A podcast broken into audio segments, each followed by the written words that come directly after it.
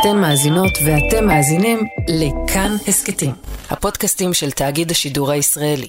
לממשלה שנרקמת לה בימים ובשעות אלה ממש, עדיין אין קווי יסוד. לפחות לא כאלה שנכתבו ופורסמו. ולמרות ההומוגניות שלה, יש לא מעט נושאים שאין עליהם עדיין הסכמה. גם לא בטוח שתהיה במסגרת ההסכמים הקואליציוניים, אולי בהמשך הדרך.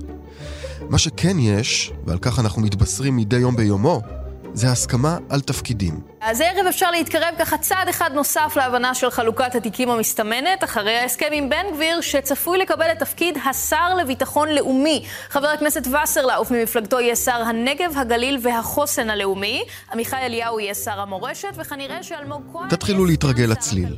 המשרד לביטחון לאומי, משרד המשימות הלאומיות, הרשות לזהות לאומית יהודית, משרד הנגב, הגליל והחוסן הלאומי. משרד הפריפריה, משרד המורשת.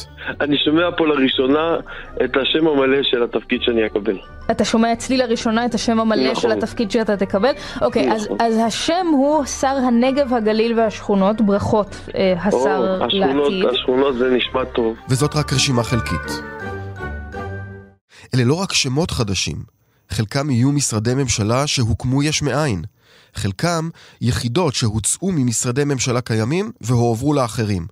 ויש גם משרדי ממשלה שפוצלו לשניים, אולי אפילו לשלושה. זה מחיר הקואליציה, אומרים לנו. גם יריבינו הפוליטיים, כשהקימו ממשלה, חילקו תפקידים וג'ובים. אנחנו לא המצאנו את זה, הם אומרים להגנתם. וזה נכון במידה רבה. כמובן שיש מי שעשו יותר ויש מי שפחות. ויש את המשרד ההוא שנתקשה לשכוח, שהפך את כל הסיפור הזה לגרוטסקי. מי היה השר לענייני מים? אה, זאב אלקין. דבר ראשון, קרדיט לבן אדם שחיבר את המים להשכלה גבוהה. קודם כל. זה, קודם כל, לא זה בן צפוי, אדם... זה היה שידוך שלא ראינו מגיע, ועשית את זה בגדול. זוכרים את שר המים וההשכלה הגבוהה? שלום, אני דניאל אופיר ואתם מאזינים לעוד יום, הסכת האקטואליה של כאן. אז היום נצלול קצת לארכיון וננסה להבין מתי צמח הנוהג הזה של המצאת משרדים והזזת יחידות ומי הביא אותו לשיאים חדשים. ולא פחות חשוב, מה המשמעות של זה לניהול התקין של ממשלה, של מדינה. נשוחח עם הפרופסור עופר קניג מהמכון הישראלי לדמוקרטיה והמכללה האקדמית אשקלון, אבל עוד קודם נדבר עם מישהו שהיה שם, וניסה ללכת נגד הזרם ולעשות את הפעולה ההפוכה ממש. שלום רונן מנליס. שלום וברכה. היום אתה פרשן כאן חדשות, אבל לפני כן שימשת, בין היתר, מנכ"ל המשרד לנושאים אסטרטגיים. משרד חדש יחסית, ועוד מעט גם נשמע באיזו הזדמנות הוא הומצא, ולמידותיו של מי הוא נתפר. אני רוצה להתחיל דווקא מהסוף, של הכהונה שלך. אתה התפטרת מהתפקיד, ובמכתב סיום התפקיד שלך כתבת משהו מאוד לא שגרתי. אולי זאת הייתה הפעם הראשונה שמנכ"ל משרד כותב משהו כזה על המשרד שאותו הוא מנהל. מה היה כתוב במכתב? תראה, המכתב היה מכתב שנכתב אחרי תהליך ארוך, שבמסגרתו הגעתי למשרד עם הרבה מאוד מחשבות האם בכלל צריך משרד כזה. וניצלתי את חלק מהזמן במשרד גם לנסות לשפר את האפקטיביות העבודה שלו, אבל גם לבחון מה הפתרון הנכון לטיפול בסוגיה הספציפית של המשרד ההוא, שהוא עסק בלגיטימציה של מדינת ישראל.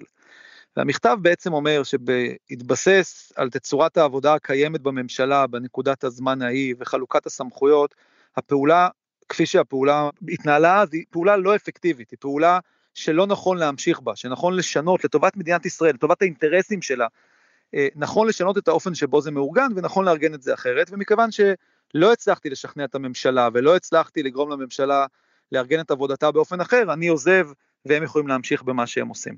אבל בוא נדייק רגע את הדבר הזה, אתה למעשה המלצת לסגור את המשרד שאותו ניהלת. חד משמעית, המשרד לנושאים אסטרטגיים הוא משרד שהוקם למאבק בתנועת ה-BDS ולחיזוק הלגיטימציה של מדינת ישראל. בפועל, באופן שבו הוא הוקם, הוא פעל בצורה לא אפקטיבית, בצורה שבה חלק מהסמכויות הן חופפות למשרדים אחרים, כמו משרד החוץ או משרד התפוצות, חלק מהסמכויות נמצאות בכלל בידי ראש הממשלה, ולא ניתן לייצר פעולה אפקטיבית גם בתחום העיסוק של המשרד. ולכן חשבתי שהדבר הנכון ביותר לעשות הוא לארגן את כל הגופים שעוסקים בנושא הזה באופן אחר. אני המלצתי על רשות לאומית ללגיטימציה תחת משרד ראש הממשלה. אבל בהינתן שלא רצו להקים את הדבר הזה ולא רצו לחבר את הגופים מכלל המשרדים לתוך אותו גוף חדש, חשבתי שעדיף שהמשרד הזה לא יהיה קיים בכלל. כי הנזק שנגרם בזה שהוא קיים ורב עם משרדים אחרים על חלוקת תפקידים, והבזבוז שקיים בזה שיש פה משרד, עובדים, חוזים, התקשרויות ודברים אחרים, הוא כזה שלא שווה את הקיום שלו. ולכן המלצתי לסגור אותו, אני יודע, זה נשמע דבר מוזר למנכ"ל שאומר, אני אומר לך יותר מזה, אני בפרספקטיבה של זמן, טוב היה שהמשרד הזה לא היה בכלל מגיע לעולם. אבל מכיוון שהוא הגיע לפניי ואני קיבלתי את הזכות להיות המנכ"ל שלו, ניצלתי את הזמן לחשוב איך נכון לארגן את זה מחדש, וההמלצה שלי הייתה חד משמעית וברורה, אני גם עומד מאחורי היום, שמשרד במתכונת שבו הוא היה קודם, לא נכון שיהיה.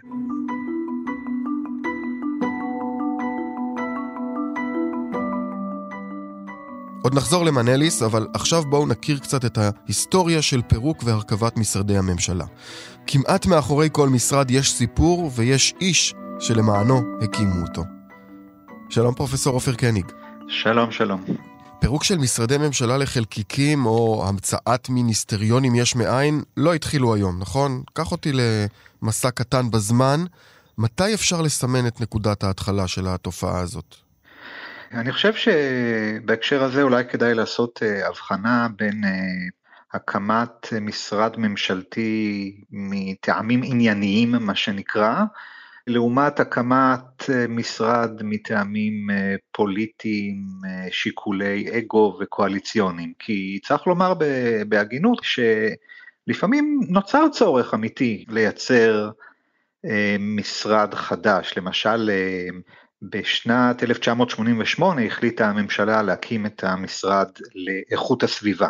עכשיו זה נושא שעד שנות ה-80 לא היה במרכז השיח הפוליטי או השיח הציבורי, אבל הוא כן נושא שנכנס אה, נכנס לשם, ולכן אני חושב שזה, אה, שזה דבר סביר שהממשלה אה, החליטה לקחת את התחום הזה של איכות הסביבה, שהיה עד אז תחת סמכות משרד הפנים ולהקים משרד חדש. זה ענה על צורך מהותי.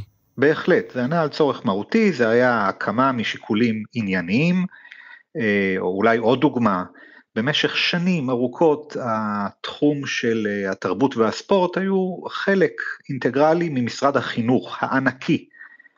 איפשהו בשנות התשעים אה, הממשלה החליטה להפריד את זה, ואני חושב שזו הייתה החלטה, שוב, נכונה, אה, משיקולים ענייניים, משרד החינוך הוא גם ככה אחת מהמשרדים, אחד מהמשרדים המפלצתיים מבחינת אה, תקציבים, מבחינת סמכויות, תחומי פעולה, ואני חושב שזה עשה בהחלט שכל לקחת את תחום התרבות והספורט ולהפריד אותם ממשרד החינוך הענקי. אז בהחלט יש לנו לפעמים דברים אה, הגיוניים, ענייניים, וזה בסדר גמור. הסוג השני, שאולי מושך יותר תשומת לב תקשורתית וביקורת, זה באמת העניין של הקמת משרדי ממשלה לצורך שיקול קואליציוני או משיקולי אגו. אני חושב שאפשר לשים את, ה, את האצבע על המקרה הראשון אולי ב-1996, כאשר נתפר לאריאל שרון משרד התשתיות. נזכיר, ראש הממשלה הטרי, בנימין נתניהו, התכוון להשאיר את אריאל שרון מחוץ לממשלה, אבל אז דוד לוי, מי שהיה בכיר מאוד בליכוד, פשוט הודיע לנתניהו שהוא לא יצטרף לממשלה אם לא יימצא תפקיד ההולם את מעמדו ואת כישוריו של שרון. אם חברנו אריק שרון לא יהיה בממשלה, ואין שום סיבה שלא יהיה, ואין שום סיבה שהמשבצת שלו תישאר ריקה, ואין שום סיבה לא להשלים את ההרכב הפרסונלי והתוכני של הממשלה, והוא יהיה בחוץ, הוא איננו בעיה. אז נתניהו לקח את משרד האנרגיה והתשתית הקטן והרזה, סיפח אליו כל מיני יחידות ממשלתיות מן היקב ומן הגורן, ותפר את משרד התשתיות הלאומיות. התיק שנתפר לשר שרון, שר לתשתית לאומית, הוא אחד הכבדים בממשלה. הוא אמור לחלוש על תקציב עתק של עשרה מיליארד שקלים. על פי ההצעה יכלול התיק את רשות הנמלים והרכבות, תשתית הכבישים, תשתיות האנרגיה ואגפים שיועברו כמות שהן ממשרד התחבורה והאנרגיה. שלוש שנים אחר כך יש לנו אה, את המשרד לשיתוף פעולה אזורי, גם כן אה, משרד אה, שהומצא יש מאין אז עבור שמעון פרס, תחת הממשלה של אהוד ברק. שמעון פרס, השר לשיתוף פעולה אזורי. זהו משרד חדש ותוקם ועדת מנכ"לים שתוך שלושה שבועות תגבש את תוכנו של התיק. עם הקמת ממשלת ברק החדשה, ההנהגה החדשה במפלגת העבודה, לא ידעו כל כך מה לעשות עם אה, שמעון פרס, המנהיג המיתולוגי, שתמיד היה רגיל להיות שר החוץ, בעמדה כזאת אה, מובילה. ואז החליטו לתת לו להתעסק בכל מיני ענייני חוץ ושיתופי פעולה אזוריים, וזה המשרד שנוצר. אפשר לקרוא למשרד הזה גם המשרד למזרח תיכון חדש, כן, לפי החזון של שמעון פרס. אמ, עברו עוד כמה שנים ושוב פעם, עבור אותו שמעון פרס, כשמפלגת העבודה נכנסה לממשלת שרון השנייה ב-2005, לקראת יישום תוכנית ההתנתקות, שוב היה צריך למצוא לפרס איזשהו סידור עבודה, כי הרי זה לא ראוי ולא הולם למנות אותו לשר בלי תיק, סתם ככה, אז אה, הקימו לכבודו את אה, המשרד לפיתוח הנגב והגליל. את הרעיון היצירתי הגתה שרת המשפטים ציפי לבני. בידי הממשלה הרשות לקבוע תוארים לחבריה או שמות למשרדי ממשלה כפי רצונה, ללא כל שינוי בחוק. פרס יעמוד בראש משרד המשנה לראש הממשלה. אני אעבוד יחד עם ראש הממשלה בנושאים העיקריים. זה, זה משמעות התואר. בנושאים שנוגעים לנו. אני לא צריך את זה לקישוטים. שוב, אה, משרד שספק אז אה, אם אה, היה נחוץ, שוב משרד שסיפח אליו כל מיני תחומי פעולה ממשרדים קיימים. שנה אחר כך המשרד לנושאים אסטרטגיים שהוקם כאשר ליברמן נכנס לממשלתו של אולמרט. אולמרט מעניק לליברמן את התואר השר האחראי על האיום האסטרטגי וגורע ממעמדם של מי שמופקדים על הנושא. שר הביטחון שרת החוץ, והשר מופז שמחזיק בתואר השר האחראי לדיאלוג האסטרטגי. הוא אה, יעסוק מטעמי אה, באיומים האסטרטגיים מבלי שזה אה, יבוא על חשבון איזה שהן סמכויות אה, של כל אחד מן השרים בתחומי משרדו. אנחנו לא מתכוונים לנגוס בשרים אחרים, יש פה מספיק מרחב מחיה, יש פה מספיק עבודה לכולם. המשרד לענייני גמלאים עבור רפי איתן באותה ממשלה. יהיה שר גמלאים, שזה יהיה אני, שיטפל במיוחד בנושאים של הגמלאים. אותו משרד שאחר כך שינה את השם שלו לאזרחים ותיקים, ואחר כך למשרד לשוויון חברתי. כל אלה הם דוגמאות אה, בהחלט מייצגות, אבל אני חושב שאפשר לומר שהסכר נפרץ גם מבחינת מספר שרים בממשלה וגם מבחינת מספר משרדים מומצאים, הסכר נפרץ בממשלת נתניהו השנייה בשנת 2009. בנימין נתניהו, ראש הממשלה והשר לאסטרטגיה כלכלית, השר לענייני גמלאים, שר הבריאות ושר המדע, התרבות והספורט. אני חושב שזה גם די אה, משקף את ה... את החולשה של נתניהו בניהול משא ומתן קואליציוני, שהוא מתחיל בדרך כלל, ב, הוא מאוד נדיב כלפי השותפות הקואליציוניות, מחלק להם אה, משרדים רבים ותפקידים רבים, ואז הוא מגיע אה, אל מפלגתו שלו, ושם יש הרבה פיות רעבים ומעט משרדים שנותרו לחלק, והפתרון היצירתי הוא... להנפיץ משרדים. להמציא פתרונות. אז ב-2009 כך הוקמו משרד ההסברה, משרד התפוצות, המשרד לענייני מודיעין. דן מרידור, סגן ראש הממשלה והשר המופקד על שירותי המודיעין והוועדה לאנרגיה אטומית. קצת יותר מאוחר המשרד להגנת העורף, ואני חושב שמבחינה הזאת, שיא השיאים, אפשר אה, לומר, אה, הגיע בממשלה של נתניהו וגנץ, שהוקמה אחרי הבחירות של 2020. ראינו את המגפה, ולכן החלטנו יחד להסיט הצידה את המחלוקות בינינו ולהתייצב כתף אל כתף. אה, זכורים לכולם המשרד למשאבי המים והמשרד להשכלה גבוהה ומשלימה פוצלו ממשרדים קיימים ונתפרו עבור זאב אלקין, שלא יישאר נטול סמכויות. זאב אלקין יהיה השר להשכלה גבוהה ומש... ומשלימה והשר למשאבי המים. יובל שטייניץ נשאר שר האנרגיה, מינוס האחריות על משאבי המים, שכאמור... באופן אה, הגיוני ומתבקש קיבל אליו אה, זאב אלקין. מה שאחר כך חזר כבומרנג כאשר אלקין הפגוע מהטייטל הקצת מגוחך פנה נגד נתניהו בסופו של דבר. כן, אני חושב שזה היה בהחלט אחד מהשיקולים של, של אלקין, נכון. המשרד לחיזוק ולקידום קהילתי שהומצא עבור אורלי לוי. אורלי לוי אבקסיס תעמוד בראש המשרד לקידום וחיזוק קהילתי. משרד הסייבר של אמסלם, נדמה לי ששמו הרשמי היה משרד משרד הדיגיטל הלאומי. אני רוצה לקרוא לכבוד השר דודי אמסלם, שר הדיגיטל הלאומי, לשאת דברים. משרד ההתיישבות. ציפי חוטובלי, שרה מיועדת להיות השרה לענייני התיישבות, כולל חטיבה להתיישבות, שירות לאומי וגרעינים תורניים ומכינות קדם צבאיות. ככה הגענו באותה ממשלה מנופחת ששברה שני שיאים, גם מבחינת מספר שרים, 34 שרים, וגם מבחינת משרדי ממשלה, 35 משרדי ממשלה. 35 משרדי ממשלה, כי כל פעם המשרדים החדשים האלה הם למעשה מתווספים לרשימה הקיימת. מעטים מהם מפורקים ונגנזים. ורובם ממשיכים איתנו הלאה. בוא תעשה לנו סקירה אה, מספרית לאורך השנים. אז אה, אוקיי, אז אה, אם נלך אה, משהו כמו 60 שנה אחורה, ל-1961, מדינת ישראל צעירה, מרובת אתגרים, אז היו בסך הכל 18 משרדי ממשלה, זה הכל.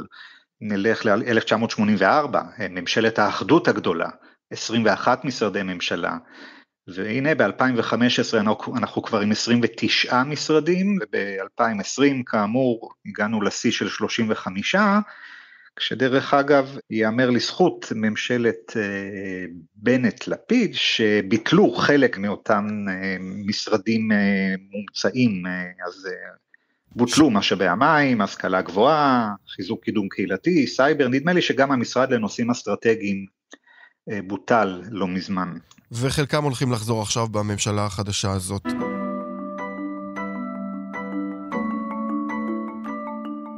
בכל פעם שמוקמת ממשלה מנופחת כזאת, הביקורת העיקרית מדברת על העלות הגבוהה של עוד לשכות שרים ועוד משרדי ממשלה, מזכירות, נהג, שכירת משרדים, אבל זאת לא הבעיה העיקרית שהתופעה הזאת יוצרת.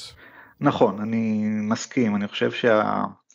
הבעיה היותר חמורה, לא שאני מקל ראש במשמעויות התקציביות, בעיקר בתקופה הנוכחית שכולנו נאבקים ביוקר, ביוקר המחיה, אבל אני לא מקל ראש בזה, אבל באמת העניין היותר גדול הוא שכל פעם שמוקם משרד חדש או מפוצל משרד קיים, כל משרד כזה מספח אליו שליטה על סמכויות ממשרדים קיימים, הדבר הזה מגביר את החיכוך בחלוקת העבודה בין המשרדים, זה יוצר כפילויות בתהליכי תכנון ואסטרטגיה, זה פוגם ביכולת לקדם מדיניות ארוכת טווח באופן יעיל, פוגע ב, ב, ביכולת לטפל בנושאים באופן רציף, וגם יוצר עודף של בירוקרטיה, זה לא צריך להיות פרופסור למדע המדינה כדי להבין את הדבר הזה.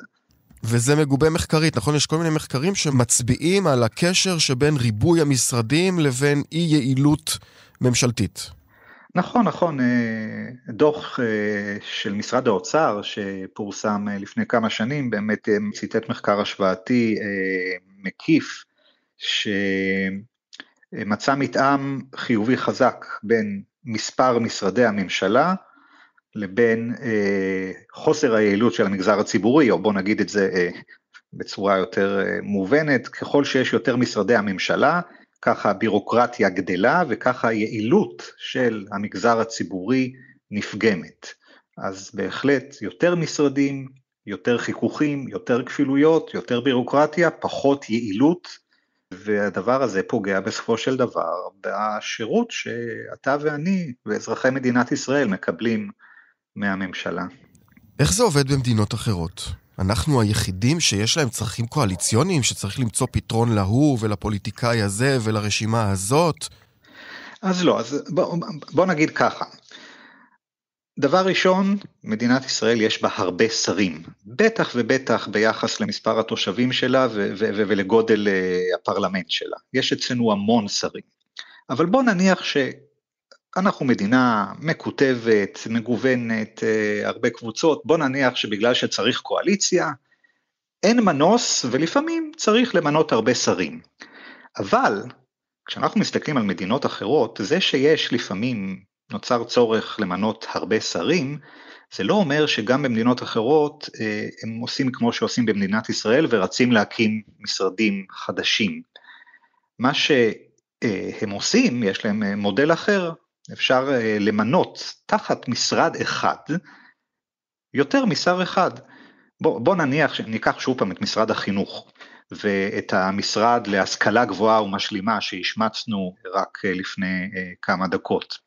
אני חושב שזה לא מופרך מן היסוד שיהיה שר ייעודי שיטפל בתחום של אה, השכלה גבוהה ומשלימה.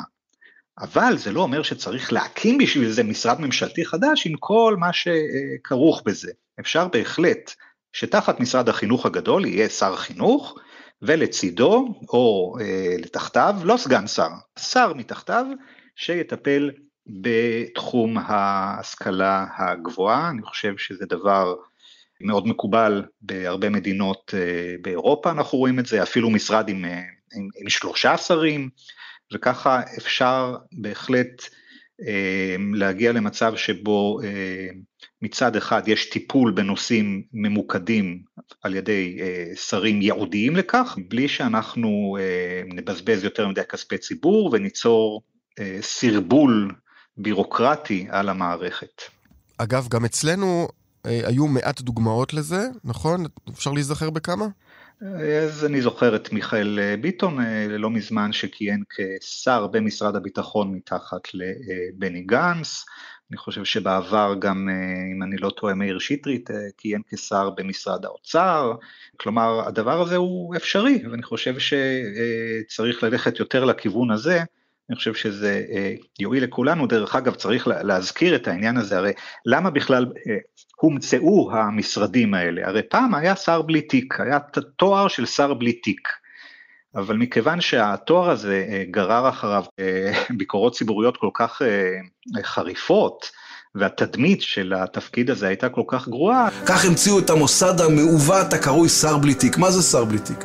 זה אדם שיש לו נהג, יש לו לשכה, יש לו תקציב נסיעות לחו"ל, רק דבר אחד אין לו. עבודה. השר שאין לו בעצם משרד ללכת אליו, אין לו עבודה אמיתית.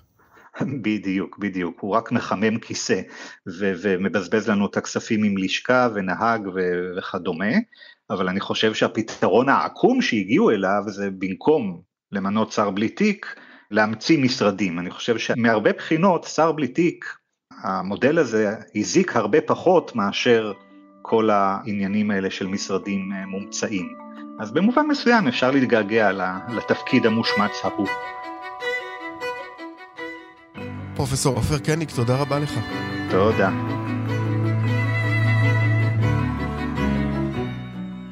רונן מנליס, מניסיונך, נסה להסביר למי שלא עבד במשרד ממשלתי או שלא מכיר מקרוב את המערכת הממשלתית, למה ריבוי משרדים ופיצול של יחידות מהגוף המקורי שבו הם היו, פוגע בעבודה השוטפת.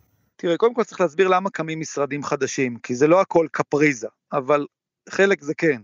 אחד, זה מסיבות פוליטיות, שלמפלגה כזאת או אחרת, היא רוצה לקדם נושא ספציפי, אנחנו רואים את זה עכשיו עם לימודי החוץ של חבר הכנסת אבי מעוז, או עם המינהל האזרחי של חבר הכנסת סמוטריץ', הרצון לקחת נושא ספציפי ולהגיד, זה נושא שמאוד חשוב לי, אני לא רוצה שיהיה נושא מספר 24 במשרד החינוך ובמשרד הביטחון, אני רוצה שיהיה נושא מספר 1 אצלי במשרד. שתיים, ממניעים אישיים. יש לנו הרבה מאוד אנשים שרוצים לתת להם תפקידי שר, ואין לנו תפקידי שר לתת להם, לכן אנחנו מפצלים משרדים קיימים, או ממציאים נושאים שלא היה להם קודם שר. ושלוש, לפעמים גם באופן מקצועי, כי צריך. העולם מתפתח, התפתחו, סוג, התפתחו סוגיות שלא היו קודם, ונכון לתת להם משרד, זאת אומרת, זה לא כל משרד חדש הוא בהכרח בזבוז כספי ציבור ולא נכון. אבל כשמתחיל מצב שבו אנחנו מפצלים סמכויות מתוך משרדים קיימים, אנחנו למעשה יוצרים שתי תופעות. הראשונה היא בזבוז, כי זה עוד שר ועוד יועצים ועוד מנכ"ל ועוד רכבים ועוד משכורות ועוד משרדים. ומצד שני, חוסר אפקטיביות תפעולית, שזה הנושא החשוב ביותר בעיניי. זאת אומרת, אם הוצאת נושא ממשרד מסוים ולשים אותו במקום עצמאי תשפר את האפקטיביות מבצעית של אותו, אותו נושא, אני בעד זה. אני לא חושב שנכון תמיד לפסול משרדים בשם הצמצום ובשם הקיטון. השאלה צריכה לבוא מעולמות האפקטיביות המבצעית. מה הדבר הנכון לעשותו? מה הדבר הנכון לחינוך בישראל? פיצול או איחוד? מה הדבר הנכון ללגיטימציה של ישראל? מה הדבר הנכון להסברה של ישראל? מה הדבר הנכון לסייבר של ישראל? הבעיה היא שהשאלות האלה לא מתקיימות והדיון הזה לא מתקיים באמת, ורוב הפעמים השיקולים הפוליטיים, השיקולים האישיים הם אלה שמנצחים את החלוקה. ואז אתה עסוק הרבה מאוד זמן בלנסות לסדר את ממשקי העבודה בין משרד האם או האב לאותו גוף חדש שהוקם. זה נכון גם לזה שאתה מקים גופים שלא תמיד צריך אותם, אתה מגדיל את כמות העובדים, אתה מקים ועדי עובדים שיש להם דרישות כאלה ואחרות והם בטוחים שבגלל שהם במשרד חדש אז מגיע להם דברים חדשים. ו- וכל הדברים האלה פוגעים באפקטיביות הפעולה של הממשלה להגיע למטרה שבעצם לשמה מקים המשרד רצה להגיע. בגלל המצב הפוליטי והקונסטלציה הפוליטית בישראל, יש מעט מאוד מקרים שבהם יש זמן לשבת ולחשוב מה הדבר הנכון לעשותו. בדרך כלל זה תוך כדי המשא ומתן הקואליציוני, כשהמפלגה המנצחת או מי שהוטל עליה להרכיב את הממשלה, רוצה לבנות כמה שיותר מהר את הממשלה החדשה, ואין לה זמן לשבת ולדבר על, על התכנים עצמם. ולכן למעשה נוצר מצב אבסורדי, שכמעט אף פעם לא מתנהל תהליך שדן באפקטיביות המשרדים הממשלתיים. אני פחות נבהל מזה שמוקמים עכשיו הרבה מאוד משרדים ממשלתיים. אם מישהו היה מבטיח לי שבעוד שנה מהיום ישבו כל מנכ"לי המשרדים וכל השרים, ויגידו עכשיו נבחן מה הדבר הנכון לעשותו ומה הדבר האפקטיבי ביותר, ובעקבות זה נשנה, נכפיף ונסגור משרדים. מכיוון שאני לא תמים, אני מעריך שהדבר הזה לא יקרה לעולם, ולכן עצם פתיחת המשרדים, באופן שבו הוא מתבצע כרגע, הוא ככלל טעות. רונן מנליס, תודה רבה. תודה לך. האזנתם לעוד יום. תודה לחן עוז על עיצוב הקול והמיקס, תודה לתמיר צוברי על הביצוע הטכני. בצוות אורחי עוד יום, גם יותם רוזנבלד. היה לכם מעניין? קדימה, תשתפו את הפרק. אם אתם מאזינים לנו בספוטיפיי או אפל פודקאסט, נשמח אם תיתנו לנו דירוג גבוה. הערות על מה שאמרנו אתם מוזמנים ומוזמנות לכתוב בקבוצת כאן הסכתים בפייסבוק. אפשר גם בחשבון שלי, בפייסבוק או בטוויטר. פרקים חדשים של עוד יום עולים בכל יום ראשון, שלישי וחמישי. את כולם וגם הסכתים נוספים מבית כאן, מומלצים, תוכלו למצוא בכל מקום שבו אתם מאזינים להסכתים, או באתר כאן. אני דניאל אופיר. נשתמע. thank you